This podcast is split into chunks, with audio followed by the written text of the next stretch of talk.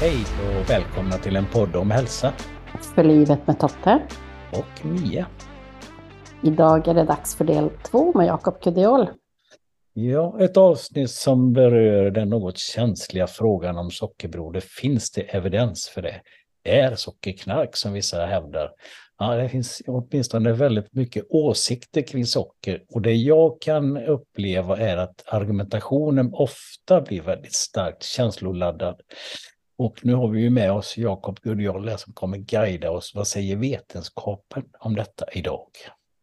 Ja, och sedan pratar Jakob om fetmamediciner. Funkar det? Är det effektivt? Är det inte bättre att göra en livsstilsförändring än att ta medicin? Yes, och ni får eh, reda på mer om varför vi alla tycker att det är en bra idé om man lyssnar på det avsnittet som nu kommer.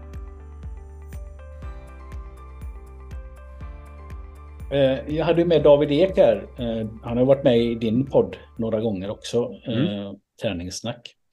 Och vi pratade om aspartam då, då tänkte jag, men nu har vi pratat färdigt om aspartam. Vi tog även en liten kortis med eh, Anki om detta, så nu är det färdigpratat. Men då tänker jag istället, för många säger ju att ja, men aspartam, det är, det är, det är livsfarligt och det är gift och allt det här.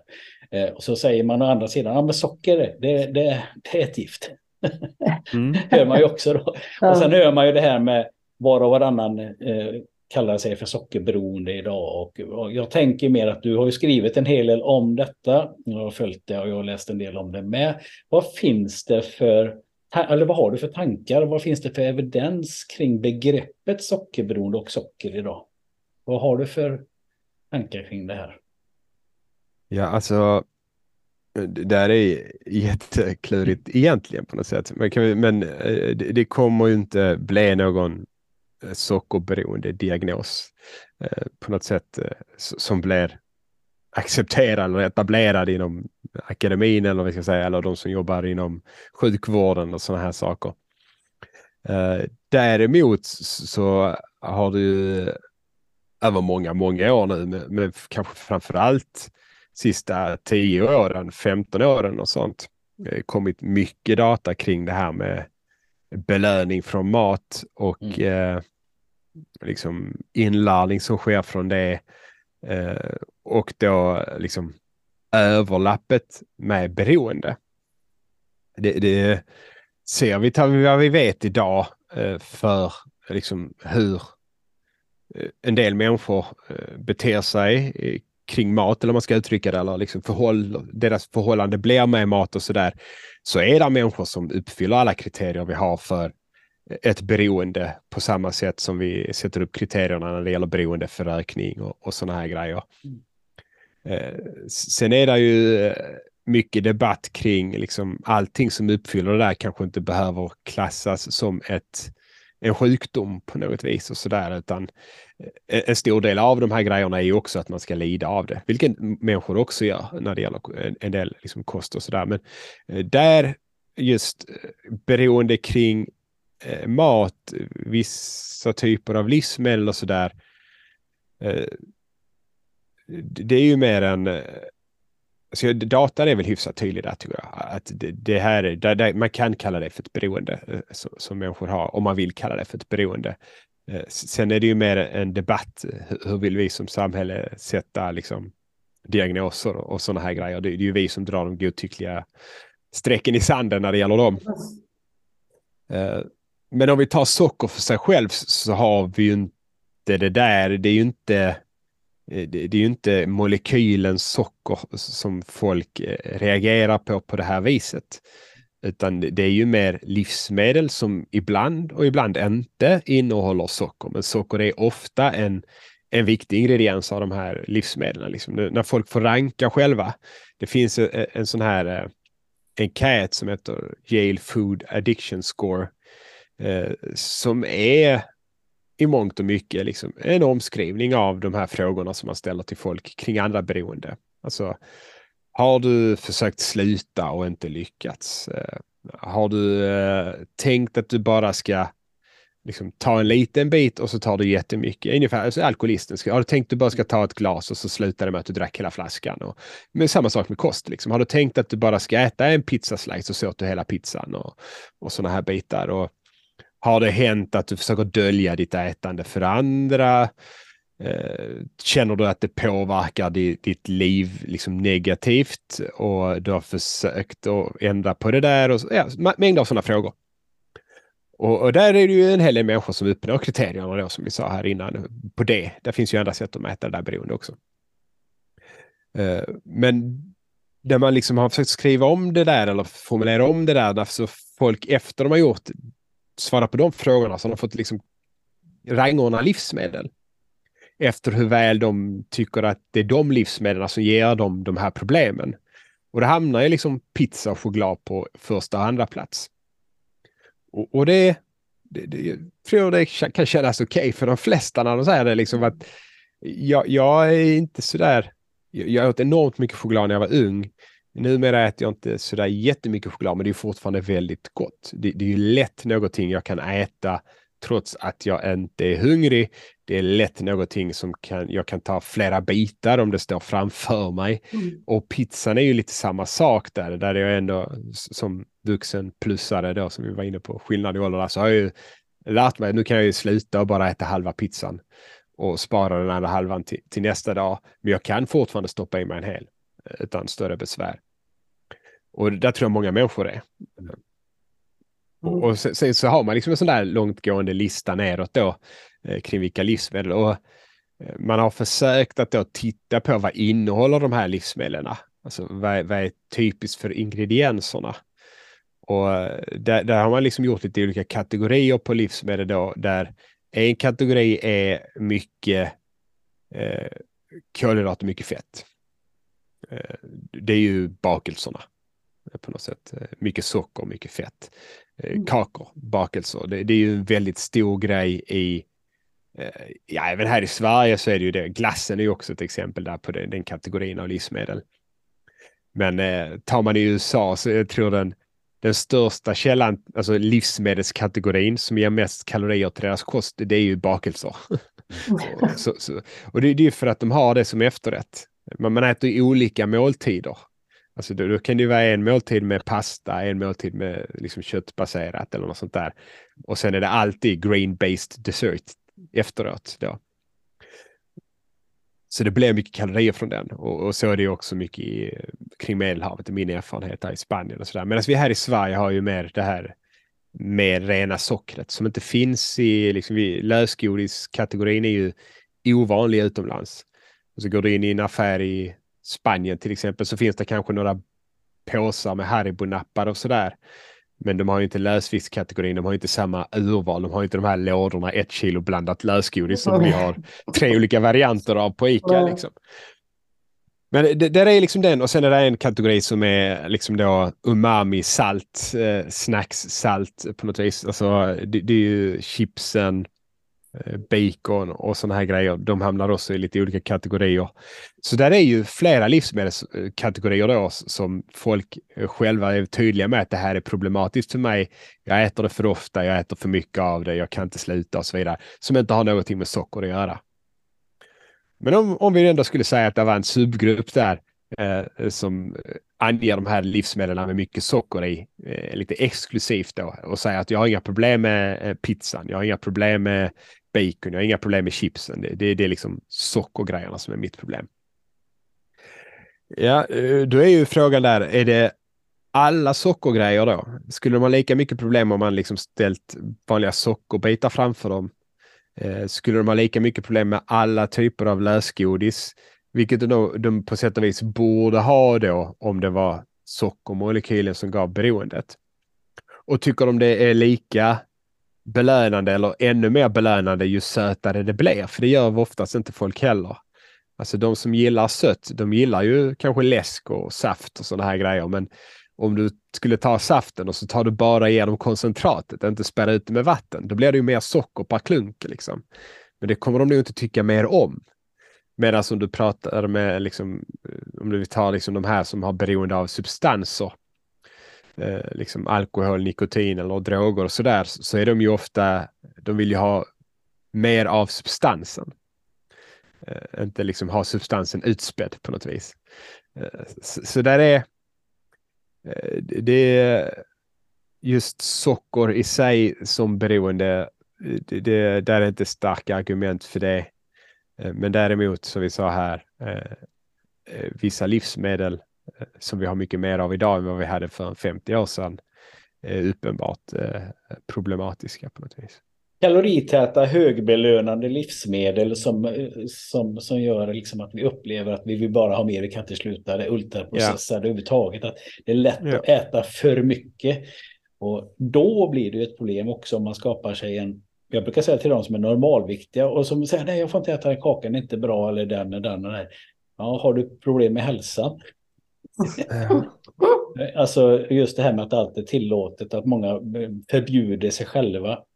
Eh, massa ja. saker, exkluderar en massa saker för att de tycker att enskilda livsmedel i sig är farliga fast de tränar och har en ingen övervikt och, har de, och så brukar har du kollat ja. dina värden, har du problem med hälsan eller är det bara någonting du hittar på? Det där är ju jättelurigt. Alltså, om vi, tar, vi börjar med de här livsmedlen. Alltså, så vi har, det vi har gjort nu sen egentligen de här alltså större företagen kom till. Liksom innan, från när vi gick från bageriet gjorde kakorna till så att kakorna säljs på Ica och Coop och Lidl och sådana här grejer. Det är ju på något sätt att vi har, vi har ju startat någon typ av survival of the fittest eh, verksamhet. Att om du börjar sälja en eh, chokladkaka eh, som inte är så bra när det gäller det här, alltså bra inom då, som dig som försäljare, mm. att det får folk att vilja ha mer, att äta mycket när de köper den, att liksom tycka det är värt att betala extra för den och sånt. Får du inte fram en sån bra kaka, ja men då försvinner den från marknaden. Och så kommer något annat företag och har tagit fram en ännu bättre kaka. Och så kommer något annat och tar fram ett ännu, ännu bättre kaka. Så vi har ju, vi har ju liksom låtit den här spiralen fortsätta. Alltså det vi har som finns kvar, som har överlevt på marknaden, är ju betydligt bättre på det här i genomsnitt och garanterat. Alltså, det är också marknadsföring och sådana här grejer kring som påverkar vad vi köper. Men det, det, det, är ju garanterat väldigt mycket bättre på de här grejerna än det som har försvunnit. Vi har liksom gjort det här värre och värre och värre och vi fortsätter låta det gå mot värre och värre hållet. Så där har vi liksom en grej och sen har vi ju det här. Eh, Okej, okay, först så behövde man inte ha den här typen av betänkande som du tog upp där. Eh, att eh, ska jag äta det där eller ska jag inte äta det där? För det, det, var liksom inte, du behövde inte säga nej till saker för det var inget som erbjöds. Alltså, det var inte svårt att avstå lösgodis när jag var liten för att det såldes bara på vissa ställen och affärerna stängde klockan sex. Uh, du fick stå och, och, peka på det här tioöresgodiset så var det någon som stod och räknade till dig. Ja. Så man, man, liksom när man hade handlat för en tia och de hade räknat till hundra så kände man ju sig dum om man skulle ha mer. Mm. Medan idag kan man ju fylla liksom, för 150 spänn utan problem. Och då, eh, liksom, vi har ju gjort det här på något sätt eh, väldigt mycket mer krävande för folk. Du behövde kanske inte säga nej till fika på jobb, för det var bara fika en gång varannan vecka. Idag är det alltså, jobbar du på lite större arbetsplats så är det ju nästan kakor varenda dag du kommer in på det där fikarummet. Liksom. Jag jobbade inom eh, hemsjukvården eh, ett tag eh, som sjukgymnast och vi fick ju konstant de här typen, alltså bakelser och after eight-godis och sådana här grejer från liksom personer som har varit hemma och hjälpt fyra, fem gånger. Och så skulle de tacka en och så gav de dig liksom en sån här en kilos godisask. Och så tog man med sig den och så satte man den där på liksom bordet i fikarummet. Och det var ju alltid folk som hade fått grejer. Så stod det där. Och det innebär ju att helt plötsligt så måste jag ju antingen så skiter jag i det och så äter jag godis varje dag, vilket inte är hållbart för genomsnittet då. Vi väger ju mer och mer och så där. Eller så får jag börja säga nej då och då. Mm. Och, och, sticka ut eh, från liksom gemene man. Alltså det som är normalt idag när vi pratar om vad är normala motionsvanor? Vad är den genomsnittliga kosten som folk äter? Så är det ju mycket sämre än det var för 50-60 år sedan. Och det innebär att du kan inte bara följa strömmen om du vill undvika att liksom hamna i risken att följa strömmen när det gäller eh, de här liksom, sjukdomarna och viktutvecklingen och sådana grejerna. Då. Utan du måste avvika från gruppen. Och där det här är ju bara min gissning, men jag tror att många hamnar väldigt snett när de försöker avvika på en rimlig nivå.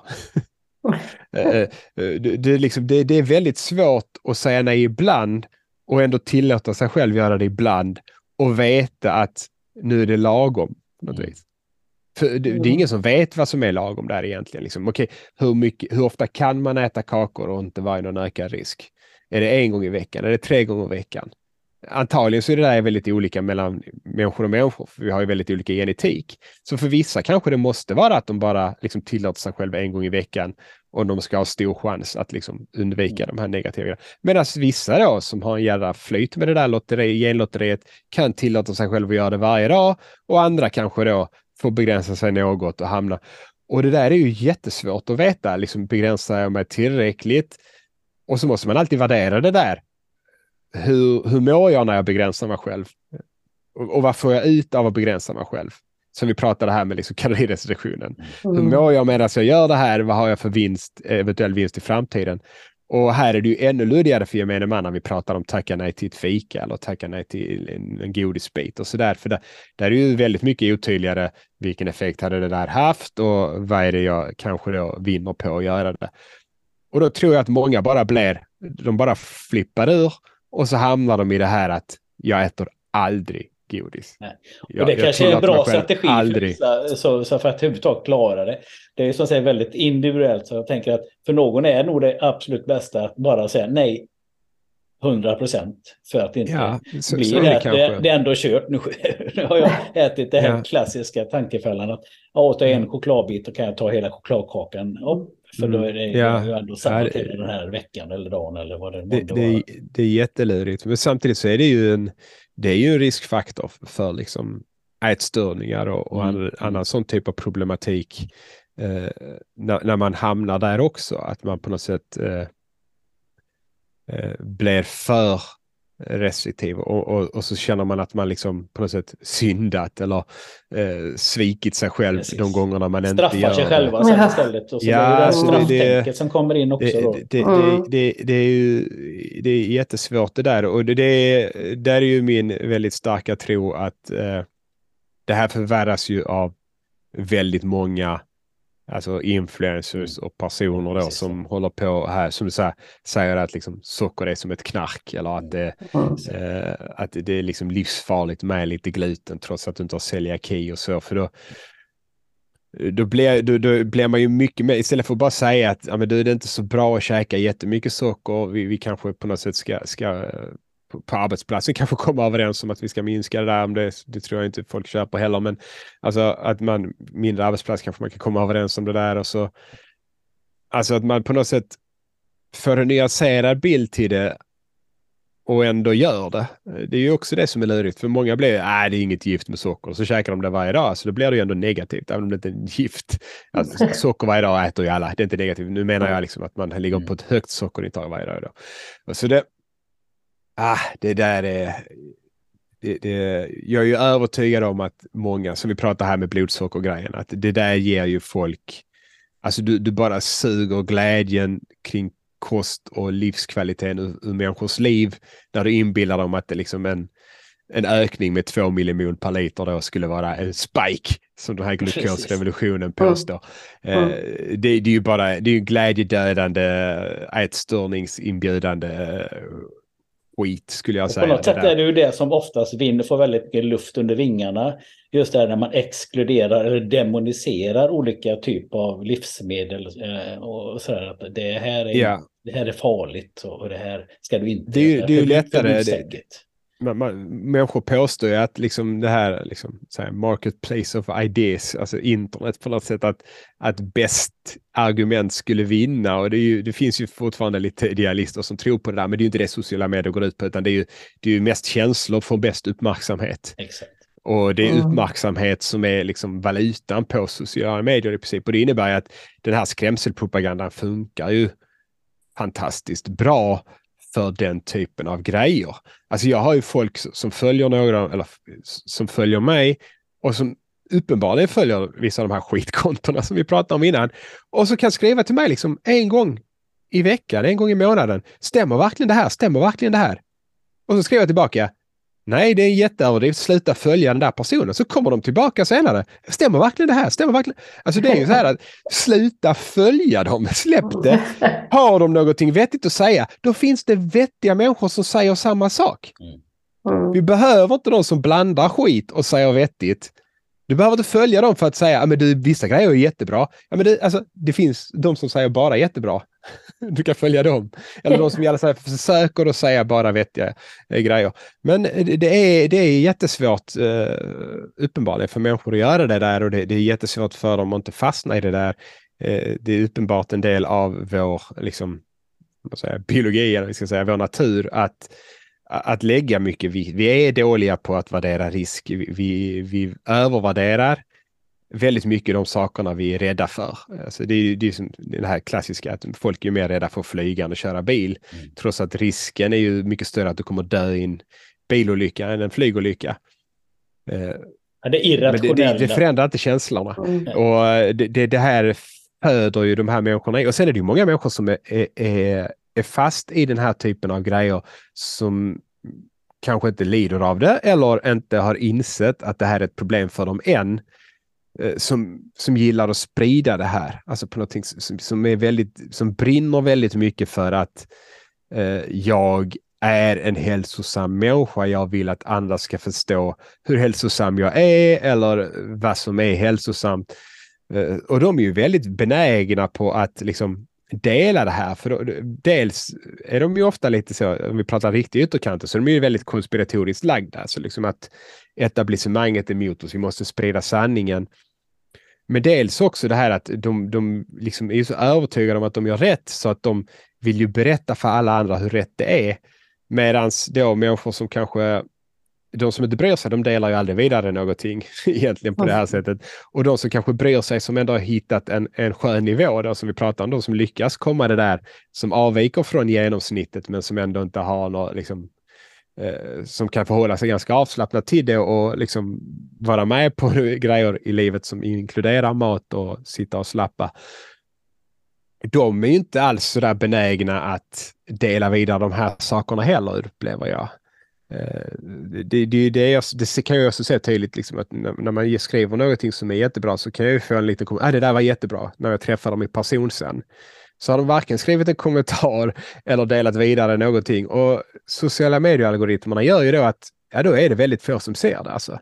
Jag har drygt 50 000 följare på Facebook och alltså genomsnittliga grejen jag lägger upp där kanske ses av 8-10 000 av mina följare.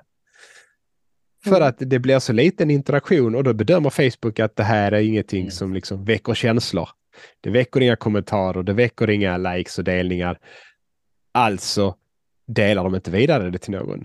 Däremot om jag skulle sätta upp någonting som gör folk jätteupprörda eller väldigt halleluja, så kommer folk trycka like om det är halleluja mm. och så kommer jag få massa kommentarer och delningar från de som är arga och kanske delningar från de som är halleluja. Ja, och då får jag min exponering. Så det, nej, det... Eh, jag tänkte, eh, du, jag tänkte, du har ju på senare tid skrivit en del om uh, nya mediciner för övervikt. Mm. Kan du berätta lite om det? Ja, berätta. Jag har ju, jag har ju mest delat vidare resultaten mm. som finns där än så länge. Det, det, I Sverige är vi ju i en liten, uh, liten luddig zon här på något sätt. Ingen av dem är subventionerade i Sverige idag uh, för överviktsbehandling. Vilket innebär att om du får dem förskrivet till dig som överviktsbehandling så får du betala det ur egen ficka. Det är dessutom så att de här medicinerna har blivit så, alltså, för, alltså folk har, det är så stor efterfrågan på de här idag att eh, läkemedelsföretagen som producerar de här två medicinerna helt enkelt har hunnit med och medicinerna var godkända från början, som har funnits längre tid på marknaden, för eh, typ 2-diabetiker. För de hjälper till med blodsockerkontrollen också. Och det, det som hände från början var att man tog fram dem för blodsockerkontroll och så fann man att eh, eh, människorna som fick medicinen började också gå ner lite i vikt. De upplevde att de var lite mindre, alltså det vi pratar om här, alltså den här maten som vi sa är problematisk. Eh, de rapporterar liksom att ah, men den är inte lika intressant längre. Jag kan ta en bit och sen sluta. Vilket de inte har kunnat innan då. Typ 2-diabetiker är ju eh, till, större mängd eller det, är en betydligt vanlig riskfaktor eller bidragande orsak då att just med att de väger för mycket. Och, och den gruppen har ju oftare då de här problemen som vi pratar med belöning med mat och beroendesdelen.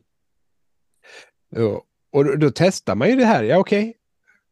Men om vi ger en lite större dos, vad händer då? Ja, då börjar de gå ner mer i vikt. Om vi ger en ännu större dos, ja, då går de ner ännu mer i vikt. Mm. Och, och det, liksom, det blev ju väldigt fort eh, både intresse från marknaden men också såklart ett väldigt intresse från de här läkemedelsföretagen att fan har vi medicin mot fetma och, och övervikt då. Och där kan man ju säga att fetma i USA är uppe på eh, det börjar ju närma sig 35 procent däromkring skulle jag gissa på, kanske 30 eller 40, men däromkring. Och i Sverige är vi ju upp mot eh, 15 procent, alltså fettman då. Och det, över halva svenska befolkningen har ju en övervikt. Och där ska vi säga att en hel del av de som ligger på normalvikt enligt BMI har ju fettmassa som de hade fått, liksom, hade varit bra om de blivit av med. Så det är ju en enorm marknad. Det är ju dessutom så att den här medicinen, eh, den är ju inte, det är inget vaccin, utan det är ju en medicin, precis som blodtryckssänkande eller eh, man säger, blodfettssänkande medicinerna så funkar den medan du tar den. Mm. Så personerna behöver ta en injektion. Just de mediciner som är på marknaden nu så är det en gång i veckan man tar en injektion. Och slutar du ta injektionen, ja då kommer ju de här grejerna tillbaka. Då får du, då, då är det här suget tillbaka igen. Då är det helt plötsligt väldigt mycket svårare att säga nej till de här medicinerna. Så det som finns nu är ju en medicin som funkar väldigt bra, men som då, det är så hög efterfrågan så de kan inte liksom producera tillräckligt mycket på den. Också de här företagen, eh, då, det är ett abonnemang livet ut. Det, det är en enorm inkomst för de här företagen. Men de, de har, de har liksom följt alla vägarna som ska följas. Här, ska vi säga. Det, det är väldigt väl undersökt. Om vi tar kosttillskottsbranschen så här, om det finns en studie på den så är det ju liksom kanske 30 pers i varje. Då ska vi vara glada. Många gånger är det mindre. Alltså det är ju det är skitforskning på något sätt. Medan här, det här är ju ett läkemedel, så det, idag finns det ju alltså flera studier på olika grupper. Man har gjort det på personer med fetma bara, personer med liksom, högre risk för hjärt-kärlsjukdom, typ 2-diabetiker. Alltså mängder av sådana här eh, grupper, alltså tagit tusentals och randomiserat dem till en placeboinjektion då, eller medicinen som injektion. Och eh, det, det är ju sån enorm skillnad. Alltså de som får medicinen Alltså, de kan ju tappa liksom. Det är lite olika skillnad i effekt på eh, de godkända doserna på de olika medicinerna. Eh, den ena eh, har lite större effekter, men det ligger någonstans mellan alltså 15-20 procent av kroppsvikten som de här personerna tappar tills de verkar komma ner på en ny platå som kommer efter ett, ja, mellan ett, och ett halvår och ett år verkar de komma till en liksom, ny platå. Och, och det, det, är ju en enorm effekt. Alltså det, det är ungefär vad vi ser i genomsnittlig effekt från fetmaoperationerna. Och man kan ju säga så här efter ett år, två år vanliga dietinterventioner. Alltså då ska vi vara glada om de har tappat liksom ah, 5-6 procent av kroppsvikten i genomsnitt de här grupperna. Eh, så man har ju liksom tre, fyra gånger bättre resultat här. Och i många dietstudier så har man ju inget resultat alls, alltså sett till kroppsvikten, eh, utan de väger lika mycket två år senare som de gjorde vid början. Eh, Medan här, så länge de tar medicinen så håller de sig där nere. Jag kan ju bli arbetslös med andra ord. Ja, alltså det, det är ju många, alltså du vet så hittar ju folk på, nu är det ju, om vi tar de här som gillar att skrämma upp och som liksom lever på att man skrämmer upp, man skapar dem ett problem och så säljer man dem lösningen på något sätt. Det är sitt kosttillskott eller blodsockermätaren och sånt här. Eh, det är ju väldigt många från den gruppen som nu har varit väldigt så här negativa mot medicinerna och så hittar de på då, ja. risker ja. som inte finns. Och så här, den här medicinen har ju funnits på marknaden i tio år. Alltså för diabetikerna då och har börjat användas på fetma kanske, eh, det vet jag inte exakt, men tre år, kanske fyra år. Alltså så den har varit godkänd. Folk har använt den off-label längre. Och eh, det finns ju studier, alltså randomiserade studier där man delar in tusentals i två grupper som har varit över två år. Och där är liksom inga, där är inga farliga biverkningar som vi känner till än. Eh, där är mindre biverkningar, framförallt lite sådana här med illamående. En del tycker inte att de klarar av medicinen, men där är det positivt nog så att de verkar klara av den andra om, alltså lyckas, mår de illa från den ena så verkar den andra kunna funka eh, liksom för en del och sådär. Så, så vissa verkar bara kunna skifta medicinen och slippa biverkningarna och sådär. Och eh, det här måste ju också vägas mot, även om det skulle komma någon liksom, ökad risk för någonting på sikt, så är det ju en väldig riskminskning eh, mm. på sikt. Av, bara dels bara, bara av tappa kilorna, men också bara den här blodsockerkontrollseffekten. Alltså, den har man ju sett redan hos mm. diabetikerna att den här medicinen har en positiv effekt, även i en låg dos. Och nu ger vi dem en högre dos då för att få en större viktminskning. Och så får vi fortsatt den här blodsockerkontrollförbättringen. Så eh, det, det, finns studier pågående nu där man ska titta på hårda utfall. Eh, och hårda utfall, det menas liksom sjukdom då. Eh, det, det man har gjort innan, det är ju på diabetikerna mindre dos och hårt utfall. Eller då bara eh, fettminskning, eh, högre doserna. Nu har man studier som pågår där man har tagit folk med eh, ordentlig övervikt då, eh, som har haft en första hjärtinfarkt eller något sånt där, eller hjärtproblematik. Och så har man randomiserat dem och då får man ju till en viktnedgång och blodsockerkontrollförbättring i den ena gruppen där. Och de, de grupperna ska man då följa tills eh, där det har skett tillräckligt många fall av, alltså återfall av, för de flesta, så, många som får en infarkt får ju fler. Eh, och, så där, där sätter man ju, precis som man gjorde med vaccinerna nu, alltså covid-19-vaccinen, att man, man sätter liksom en gräns att vi förväntar oss den här, eller får vi en så här stor effekt eller större så är vi nöjda med medicinen.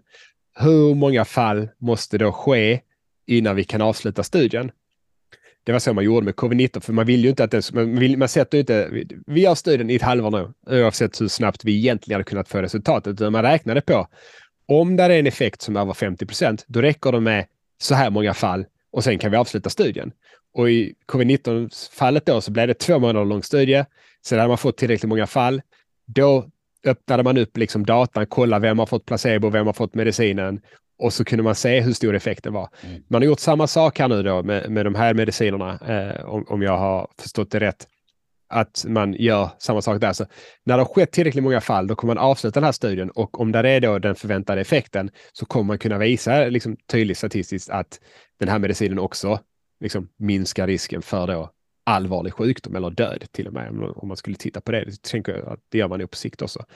Och när man har visat det där, då, då, tror jag att det, då blir det ju svårt för liksom Sverige att fortsätta eh, säga att folk måste betala för den här medicinen själv. Mm. Det är ju det är, mycket det här. Ja, alltså det, det är ju, jag, det, för mig, jag, jag, ser ju det som, det är ju bara det här alltså fett med dömandet från människor som gör att det fortfarande inte är godkänt. Alltså jag, det, Ja, jag tänker också säga. det, det är karaktärsbrist. Ja, alltså, precis. Det, det, det sitter folk där och säger. Det är bara och eh, ja. det bara ändra sig. Det är bara, det är ja, bara och så vidare. Jag, jag, jag, tror sånt spelar in i det här. Mm. Sen, eh, man ska ju aldrig säga aldrig. Det, det är inte säkert innan någon har visat att det verkligen är så att det här också minskar risken för allvarlig sjukdom. Jag eh. jobbar ju med KBT och förändring och jobbar ju som hälsocoach, men jag tycker ju det här är superbra. alltså, och alltså, det här att folk dömer så väldigt lätt att ja, men det är bara det, inte bara, utan det här är så djupt sittande hos många gånger och genetiskt och svårt. Alltså hjälper de här medicinerna så hjälper de och de här personerna får ju mycket högre livskvalitet och risken för sjukdom minskar och så vidare. Det lär ju visa sig då. Ja, om man skulle säga så, det man gör i de här studierna det är att man slumpar dem i två grupper och ger alla liksom, livsstilsråd. Alla får hjälp med liksom, hur, vad är en bra kost, hur motionerar vi och så där. Och så får den ena också medicinen. Och man ska också säga så här att liksom, det här har ju blivit en grej lite också för att det har liksom, visat sig att det här är ju poppis i Hollywood eh, då. Alltså mm. där personer som inte egentligen hade behövt medicinen, varken för diabetes eller för att de är feta. För en filmroll. Ja, alltså precis. Det är ju lättare att avstå och liksom gå ner så att du får ådra på magen om du inte har det här suget. Så, eh, det, det verkar det och då har väl kanske folk fått den här uppfattningen av att jag bara man tar den här medicinen nu så får man rutor på magen. Och det är ju inte alls det vi ser i de här studierna, utan det man tar är ju människor liksom med BMI 35, BMI 40. Alltså väldigt stora människor som har liksom problem både i liksom att sjuk, men också liksom mobilitet, livskvalitet, kanske liksom inte kan knyta skorna och sådana här grejer.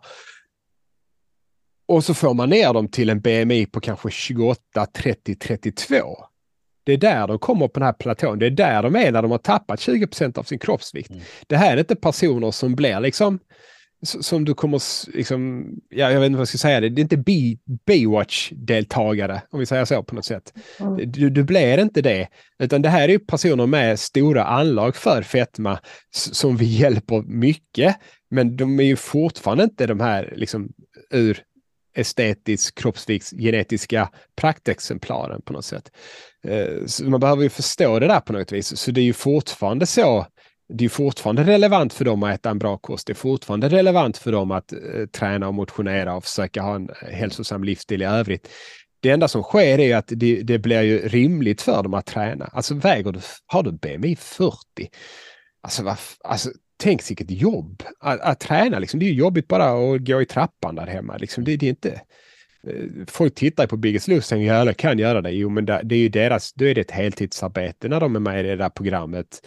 Eh, de har självmant valt att vara med i programmet, antagligen för att de är i, i, i en plats i sitt liv där det ändå varit möjligt. Många har eh, betydligt sämre livssituation där de inte liksom har kanske orken ens att fundera på träning. Alltså det, det, ju mer vi tar bort av de här sidoproblemen, desto mer sannolikt är det att de börjar träna. Och, och, det är väl det vi vill på något vis, eller att de ska leva livet. Det, är det, så det här är ju början, medicineringen också, det är en livsstilsförändring i sig. Man kan börja träna rent praktiskt, komma igång med det och parallellt funkar det att man får även kostråd. Vad är bra mat och inte bra mat och så ja. medicineringen i kombination med detta. Då. Så tänker jag lite grann, vad är det som händer? Vad är det medicinen gör? Handlar det om hunger och mättnads hormoner med leptin och grelin, att den sänker aptiten. Alltså det är den egentligen det den gjorde från början, det var därför man tog fram det på något sätt, det här GLP, det, det är ju ett hormon som liksom, man tar medicinen så får man långsammare utsöndring av eh, maten från magsäcken. Och, och det, det, var liksom med, det är ju för att hålla blodsockret nere, alltså liksom en del av den effekten man var ute från från början. Sen exakt hur medicinen fungerar när det gäller aptit, det blir ju alltid så där, man kan ju inte liksom fråga hjärnan. Eh, vad, vad händer? Uh, men man kan ju se väldigt tydligt att när man frågar folk, hur upplever du det? Så är det ju det här, ja men där är inte de här begären och sugen till samma nivå. Jag kan bara välja att ta en liten bit och sen avstå. Eh, jag, har ing, jag går inte till kylskåpet på kvällarna och öppnar upp det trots att jag inte är så hungrig i, i samma mängd och sådär. Eh, där är också eh, så här, på samma sätt som man såg då slumpmässigt att folk började gå ner i vikt när de tog det för sin diabetes så har det ju också börjat komma eh, liksom sådana här berättelser nu om folk att de har lättare att avstå alkohol och, och rökning och sådana här grejer när de tar medicinen också. Så det har man mm. också börjat lägga upp planer på att testa. Eh, så, så, den verkar på något sätt eh, påverka de här eh, belöningscentra i hjärnan och det, det, har man ju haft mediciner som gjort innan också. Problemet med de medicinerna har ju varit att de har gjort folk eh, liksom deprimerade. Alltså allt i livet har blivit mm. tråkigt, obelönande, omotiverande. Eh, och, det funkar ju inte alls. Alltså jag tror det var någon sån här medicin som ökade risken för självmord till och med hos personerna de tog den. Men, men det, det, har man liksom inte sett med den här medicinen. Så, så antingen att den bara ger sig på vissa centrar av det där som bara är mer relaterat till eh, kost kanske då eller något sånt där. Eller att den eh, har en mildare effekt eller kanske, ja, det är väl bara kul att det funkar. Ja. Eh, men man har ju i samband med det här såklart, det, eh, läkemedelsföretagen är ju inte sena, oj, här har vi en väg som verkar funka. Eh, så där är ju mediciner på gång nu där man har gjort någon fas 1-studie. Fas 1, då, då, testar man ju bara liksom säkerhet. Kan vi injicera det här på något vis? Alltså man har väldigt få deltagare och sådär. Men där har man ju liksom kommit in eh, ett par studier nu som har gått igenom det där, där man har eh, en injektion i månaden istället för en injektion i veckan eh, med ändå en mer långvarig effekt där man såg att de gick ner i vikt, de få deltagarna som var med när man gav dem en gång i månaden. Och sen när man slutade gav dem den så hade de faktiskt en liten fortsatt platå som pågick över ett antal veckor. Det man kan se med den här medicinen som man ger idag eh, en gång i veckan, det är ju att så fort du avstår en vecka så börjar liksom kaloriintaget gå upp igen. Alltså, den är liksom snabbverkande och du behöver... Medan den här, det, det kanske att man kan ta den då en gång i månaden när man går ner i vikt och sen kanske det räcker med varannan, var tredje månad för att bibehålla den där platån. Eh, det är många sådana här grejer och en av de här fetmamedicinerna det finns i tablettform. Eh, alltså man sväljer det istället. Eh, som kan vara lättare i vissa miljöer och sånt där. Som jag har förstått det så är det större risk för magbiverkningar och sådana här grejer när man tar den i tablettform. Eh, så de som har hygieniska möjligheterna så här verkar föredra Eh, injektionen, alltså typ 2-diabetikerna. De har haft tabletter och injektionen båda två och, och där verkar folk föredra injektionen i den gruppen. Så, men det, där kan man ju också tänka sig att kanske i framtiden får vi ännu bättre, att det här bara blir ett piller istället för injektion är ju en liten, det är ju en komplicerande del av det hela liksom mm. såklart. Även om den där injektionen ges ju på samma sätt som folk ger sig själv insulin. Alltså det är inte, det är ingen stor grej när man vet hur man gör det. Jag tänker i framtiden kommer det bli, om det nu blir så här, så är väl det kanske en lösning just att man får en sån, gör det själv, ja. sköter det själv. Ja, alltså jag tror ju mer på det där och säga, nu sa du det lösning för en individ, men just eh, om vi tar samhällsproblemet här, alltså att eh, för mig är det ju väldigt uppenbart att det, det är ju det är ju hur vi har förändrat miljön som är det som har gjort att eh, mer än hälften av svenskarna är överviktiga idag. Eh, det är, det är inte bara det här med att eh, kakorna har fått köra survival of the fittest i 50 år, mm. men det är en stor del av det. Men det är också den här tillgängligheten att idag kan du gå och handla dygnet runt och få tag i de här grejerna. Det är så mycket lättare, du kan få hemkörning av delarna. Det är så mycket lättare att undvika att liksom göra, göra och det, det är billig mat. Nu går ju matpriserna upp, då kommer det bli ännu mer lockande för folk att köpa de där grejerna. Och jag, och jag tror inte vi som samhälle är beredda att ändra på det där. Tänk om du skulle säga till, nej men det, alltså Foodora, vi förbjuder den typen av verksamhet. Och så säger jag till restaurangerna, ni måste stänga för hemleverans eller, eller avhämtning efter klockan nio. Folk kan få sitta kvar och äta till elva för då sitter de. Men alltså, det är många sådana regler vad det behöver. Vi kan säga liksom till matvaruaffärerna att nej men du, folk ska kunna gå in i den här butiken utan att se sådana här livsmedel. Ni får, stäng, ni får bygga till ett rum där borta. Där du har någon typ av snurder som är liksom med svarta fönster eller något sånt där. Där folk aktivt får gå in för att plocka. Ungefär som videohallarna hade porret mm. en egen liten liksom, hörna när vi var små. Eller när jag var små, liten i alla fall. Alltså den typen av grejer. Liksom, du får inte ha lösgodiset vid kassan utan det ska vara mm. ett aktivt val. För hur många har godis på inköpslistan eller chips på inköpslistan när de går och handlar vanligtvis? Man behöver inte lägga till det för du köper det ändå. Mm. Uh, och jag är ju säker på att vi hade fått mindre försäljning av den typen av grejer om vi bara hade förbjudit de där grejerna. Vi hade förbjudit matreklam. Uh, nej, du får inte ha det, du får inte locka, du får inte göra folk sugna på en kaka när de går utanför 7-Eleven. Du får inte ha den där jävla kanellukten. Alltså det är sådana grejer vi hade behövt göra om vi ska förändra människors beteende på gruppnivå. Vi behöver förändra miljön som människor är i.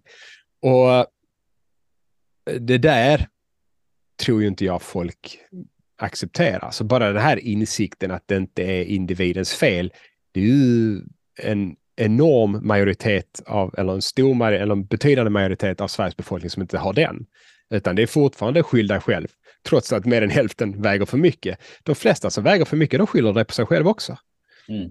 Och, och det, ja, det, är klart, man kan ju alltid säga att ja, det är ju alltid ditt val och det är ju fortfarande så, men jag, jag brukar likna det med att man går i skolan, att ja, förr var det ju lätt för alla oavsett vilka förutsättningar man hade på något vis att ha lätt för det i skolan att klara skolan.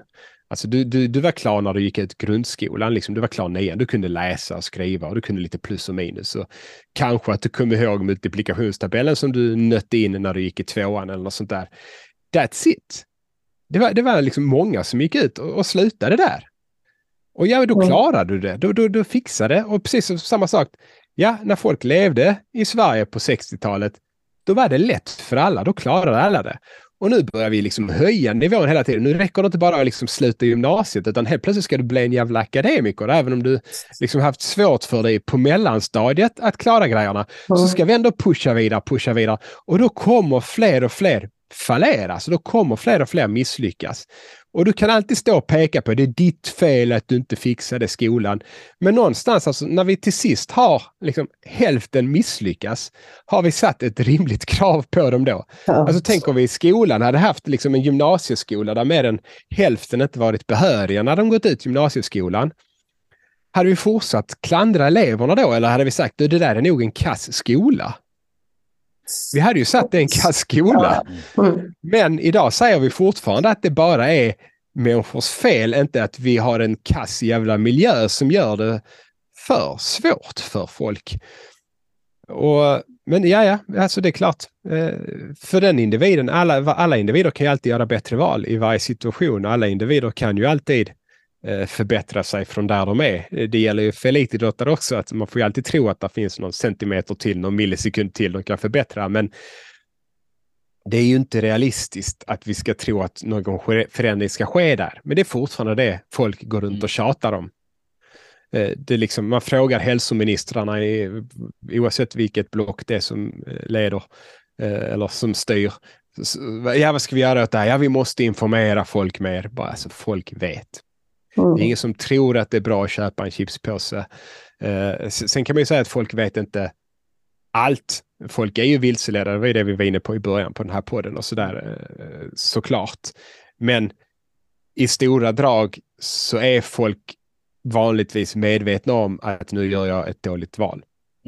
Och det är ju det, det där, det är man är så begränsad beroende på olika förutsättningar samt, tänker jag också, gener och allting runt omkring. Och hamnar man, som vi säger, på, i Sverige på en övervikt på eh, halva befolkningen så tänker man okej, okay, det kanske är något fel på miljön. Och det här med lättillgänglighet har jag ju alltid, eh, i och med att jag följt det också, hängt med på att det mm. handlar om att det är så lättillgängligt idag mm. att få tag på det. Och då mm. skapar ju det tjuven.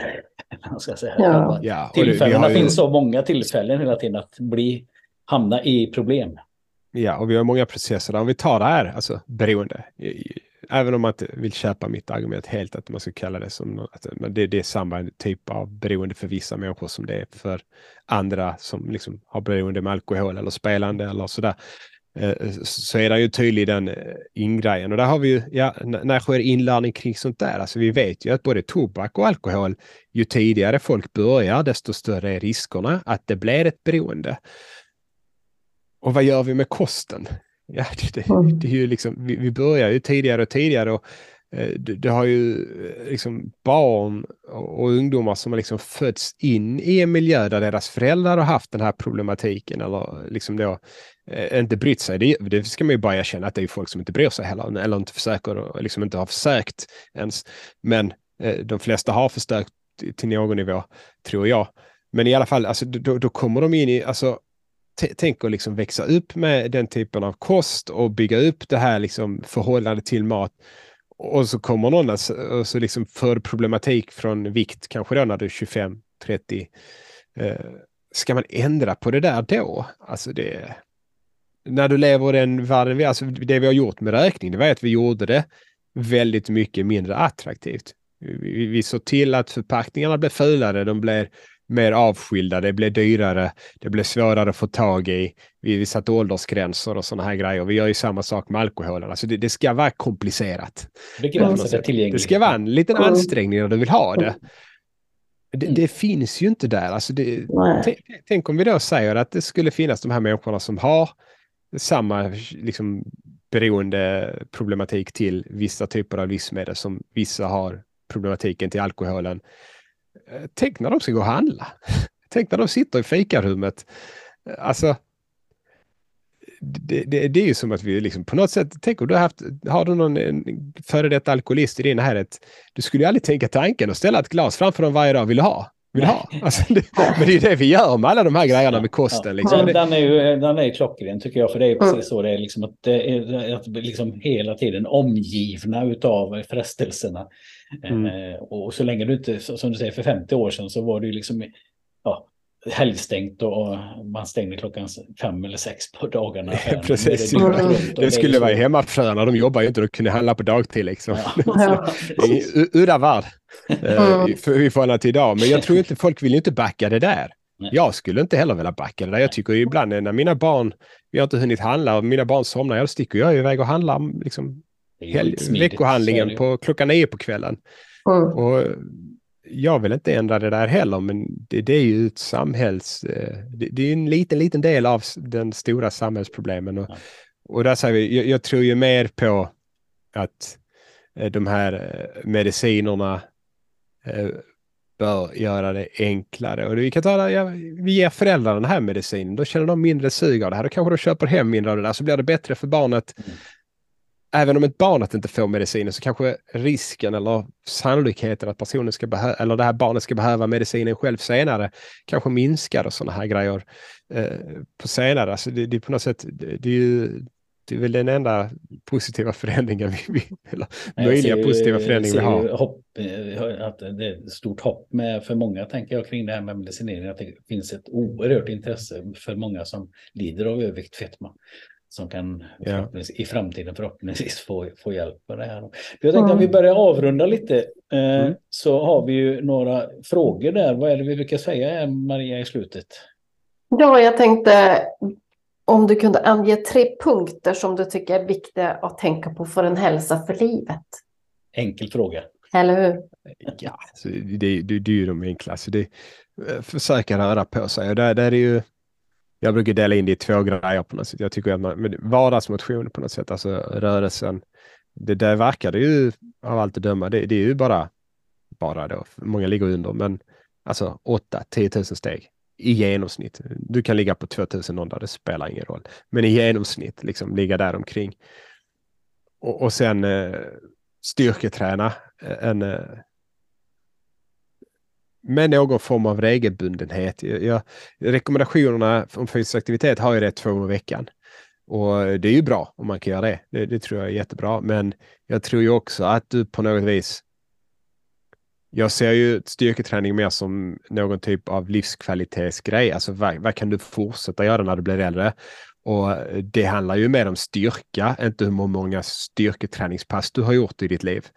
Så, så länge du är stark när du är 50 så är det väl bra. Och så fortsätter du försöka vara stark när du är 60 och det kan ju innebära kanske då, jag är själv en ganska mycket periodare när jag är på gymmet, eh, är att jag, jag kan träna väldigt bra i två, tre månader och sen så blir det lite sporadiskt sådär över ett par månader och sen går det bättre igen. Alltså, bara det att jag bibehåller ändå det mesta på den tiden. Så jag skulle vilja säga bara försöka bibehålla en god styrka, inte bara låta det gå nedåt från 25-årsåldern då som, de, som är liksom normalfallet. De flesta är som starkast där omkring i livet när de är 20-25. Och sen blir det bara sämre liksom. Och, och, då har de ju svårt att sätta sig och gå upp från golvet när de är 50-plussare och de har svårt att stå på ett ben när de är 60. Och sen börjar de liksom ha svårt att förflytta sig när de är pensionärer. Eh, det är ju liksom, det är det vanlig person idag på något vis. Eh, inte kanske genomsnittet, så illa är det inte då. Då får du flytta fram åldrarna där kanske 5-10 år till. Men det är många som är i den gruppen. Och, det tror jag är en stor del av undvikare. Sen uh, uh, don't do drugs på något sätt. Det, det är ju mm. inte röka, alltså det, det, är jättedumt. Uh, vi, vi, är ju, det är en liten del av befolkningen i Sverige idag. Det är väl under 10 procent nu tror jag. Men det är ju fortfarande så att det är en hel del ungdomar som börjar och sen slutar en del av dem. Så, men det, det, den är ju ganska självklar. Och, och det gäller ju också alkoholen. Mm. Alltså det, det, är klart, där är ju eh, en, en UF, eller säga, någon typ av... Det, det är ju ett, det, det, går uppåt direkt när man börjar, verkar det som. Alltså, även om du bara dricker något glas i veckan så, så verkar det vara lite, lite sämre än att inte dricka något glas alls. Men det, det är en liten, liten effekt där och då är vi inne på det här med livskvaliteten. Vissa, vissa gillar ju verkligen den delen, men eh, den här där man blir dyngrak eller där man dricker en öl varje kväll och sådana här grejer, det, det har en, en, en, tydligare negativ effekt. Så det, det, skulle jag väl säga att man kan försöka dra ner. Och sen är det ju på något sätt, det, det är ju kosten och, och försöka hålla eh, kroppsvikten eh, nere, eller inte mm. kroppsvikten egentligen, fettmassan. Och, och den är ju jätte den är ju nästan problematisk att säga, för det, då säger man ju till med den hälften av befolkningen att du har inte gjort det bra eh, idag. Eh, men eh, man skulle säga det som så att det, det är ju inte, där är det också, det, det, är liksom, det är en ökande risk med ökande mängd. Och där är det också den här eh, liksom, livskvalitetsinvägningen.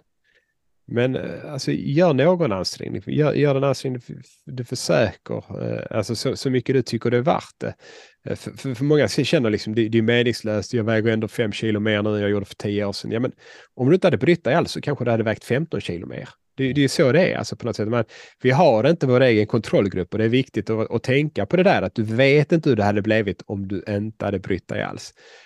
Så jag tror man ska ändå liksom tänka lite på det där, inte bara säga fuck it och, och, och sen äh, skita i det på något sätt. Och då är det ju mycket den här, är det jag skrev om i skitmaket som vi varit inne på här också, den typen av kost som, som stör kroppens egen förmåga att hålla energibalans, att man försöker minska på den mängden så mycket man eh, orkar eller förmår eh, på något vis.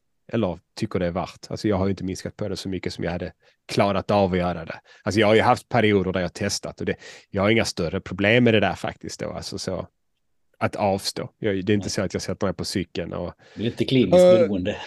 nej, men alltså det, liksom, det är inte så att eh, jag säger till mig själv, nu ska jag inte äta detta på två veckor och så efter tio dagar så sätter jag mig på cykeln klockan elva och cyklar till Mac för att köpa det. Utan då löser jag de där två veckorna om jag sagt det så. Men sen så känner jag bara att ja, men det där var inte så kul. alltså, jag fick inte ut så mycket av det tänkte jag. Så där är ju mer jag. Alltså, jag, jag gillar ju det här. Alltså, det, det, det, är skönt när barn har somnat och sätta sig. Det, det är en njutning för mig, livskvalitet på något sätt. Att sitta med en godispåse där. Det skapar ju inga mm hälsomässiga problem för dig?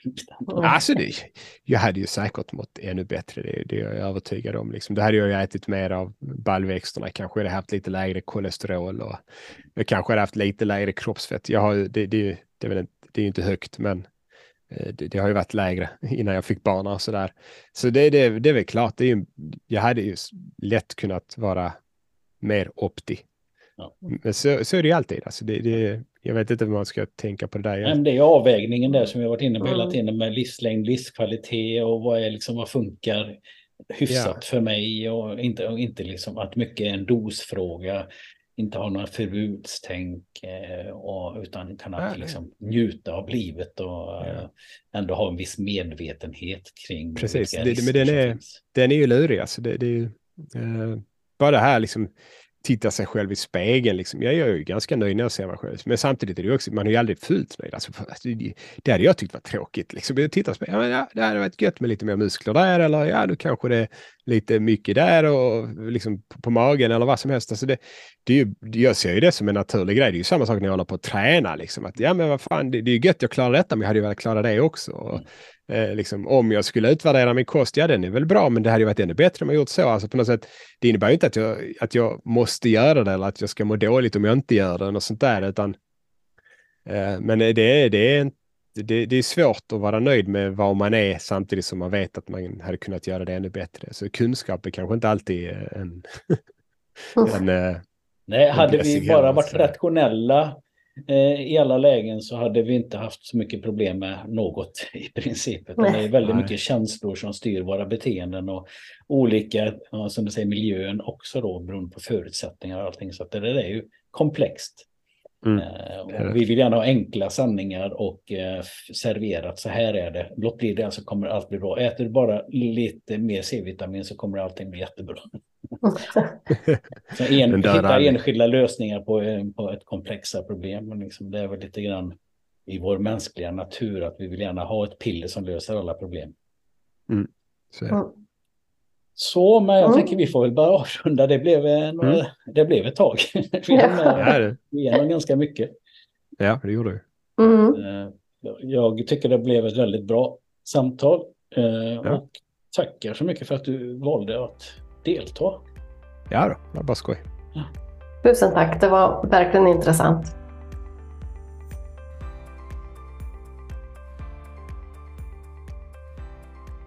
Ja, då var vi klara med Jakob Gudiol och eh, två avsnitt blev det av en lång intervju. Och den här delen nu handlar det ju om det här med sockerberoende. Eh, och finns det någon evidens för, för att det finns ett sockerberoende? Vad är sockerknark? Som sagt, när jag sa inledningsvis här att det finns ju jäkligt mycket åsikter, eh, mycket argumentations där det är väldigt känsloladdat kring det här. Jag tycker vi får väldigt bra svar av eh, Jakob eh, och det är enligt mina tankar och det jag har skrivit om innan. Det handlar eh, om högbelönande mat och inte socker i sig. Alltså själva sockermolekylen är inte beroendeframkallande rent kliniskt eller biokemiskt. Utan det handlar om att vi faller för olika typer av mat som ger en hög belöning och dopaminutsöndring. Och den bästa eh, belöningen är ju när det blandas socker och fett och olika smakämnen. Det är då vi går igång. Så att det är inte sockret i sig. En chokladkaka brukar jag ju säga till exempel innehåller i 50% socker, 50% fett. Man gillar ju inte, eller de flesta gillar ju inte bara rent socker. Vi äter ju inte direkt i sockerskålen och vi äter inte direkt i fettet, men det är själva kombinationen, blandningen i, av de här olika ingredienserna som gör att vi gärna vill ha mer och mer och mer. När vi äter mer så, för det första så mättar ju inte det speciellt mycket. Och det kan leda till ett ätberoende mer. Eh, och, och är ett problem, det spelar ingen roll egentligen vad vi kallar det, kalla det för sockerberoende om du vill. Och är det ett problem för hälsan, får du problem med dina värden, ja då är det ett problem. Eh, om du nu kallar det för sockerberoende eller ätberoende. Men en övervikt när vi äter högbelönade livsmedel, det skapas ju ofta utav av det då att vi har svårt att stoppa. Och då är det väl dags att ta tag i det då. Men det är ingen enkel okomplicerad fråga. Eh, har vi, känner vi att vi, det är en bra sak att sluta med socker, gör det då. Eh, det är helt individuellt, men det de flesta gillar till exempel är chokladkaka. Pizza sa väl, sa väl att chips, det är ju bara fett till exempel. Så att det som ger en hög belöning, det gillar vi att äta mycket av och det innehåller oftast väldigt mycket kalorier, vilket gör att vi äter för mycket och skapar ett kaloriöverskott och därmed en övervikt som leder till problem med hälsan. Nåväl, nog om det. Jag tycker också det är intressant, eh, väldigt intressant område det här med medicinering för övervikt. Och vad forskningen säger då att det ser väldigt lovande ut och det är väldigt lätt att döma och säga att ja, det är bara dålig karaktär för de som äter för mycket. Ungefär som med alkoholisten att ja, han har bara eller hon har bara dålig karaktär. Men det här också visar sig att det är inte så enkelt eh, det här, utan den här medicinen funkar de facto faktiskt där man äter mindre. Och varför då neka det livsstil? Det går ju hand i hand med en livsstilsförändring som även Jakob säger här. Att parallellt med det så lär man sig också att äta en bra kost med eh, en väl sammanfattad kost, näringsrik kost. Och eh, tack vare att man tappar alla dessa kilon som nästan har gjort det omöjligt för många att träna innan så kan man också komma igång med träningen. Så det ena behöver inte utesluta det andra, utan medicinering är jättebra för många och kommer att vara i framtiden, hoppas jag verkligen. Eh, sedan avslutar vi med det här med eh, orsaken till övervikt idag. Och den är jätteintressant. Jag har också tänkt på det väldigt mycket när jag har följt Jakob. Så har han skrivit om det många gånger, att det är väldigt mycket miljön runt omkring oss. Eh, om vi jämför med 50 år sedan, eh, hur, hur det såg ut, tillgängligheten till livsmedel och varor och högbelönande mat framför allt, var ju oerhört mer begränsat än vad det är idag. Eh, och nu är det ju så att när vi är stressade i det här samhället och vi gärna väljer snabba lösningar, vid kassan så finns det chokladkaka och det finns allt det här som är liksom, vi tar den snabba lösningen och många bäckar små, så leder det oftast till att vi äter lite för mycket på en dag då, över ett år. Då. Så att eh, väldigt mycket handlar om miljön eh, och eh, det är inte individens fel som är, visst vi har alltid ett val som vi är inne här på att prata om också, men vi ser också på befolkningsnivå att problemet ligger i omgivning, i miljön. Det har skapats eh, över 50 procent av svenska folket är överviktiga och 15-20 procent tror han sa lider av fetma. Så att ja, utav de här siffrorna då. Så att det är stora siffror och det har inte bara med att vi har dålig karaktär, eh, utan det här handlar om vår omgivning, vår miljö. Nåväl, det var allt för idag. Ett mycket bra och intressant avsnitt och jag hoppas jag får honom åter till podden i något annat ämne att, som vi kan gräva och fördjupa oss i. Tack för att ni lyssnade och fortsätt gärna lyssna och glöm inte att dela eh, det här avsnittet om ni tycker det är bra. Och om ni vill gå med i en Facebookgrupp så finns min grupp och Mias grupp på Hälsa för livet heter den bara då. Så att gå gärna in och kolla den och ansök om ni känner att det hade varit en bra idé. Ha det bra!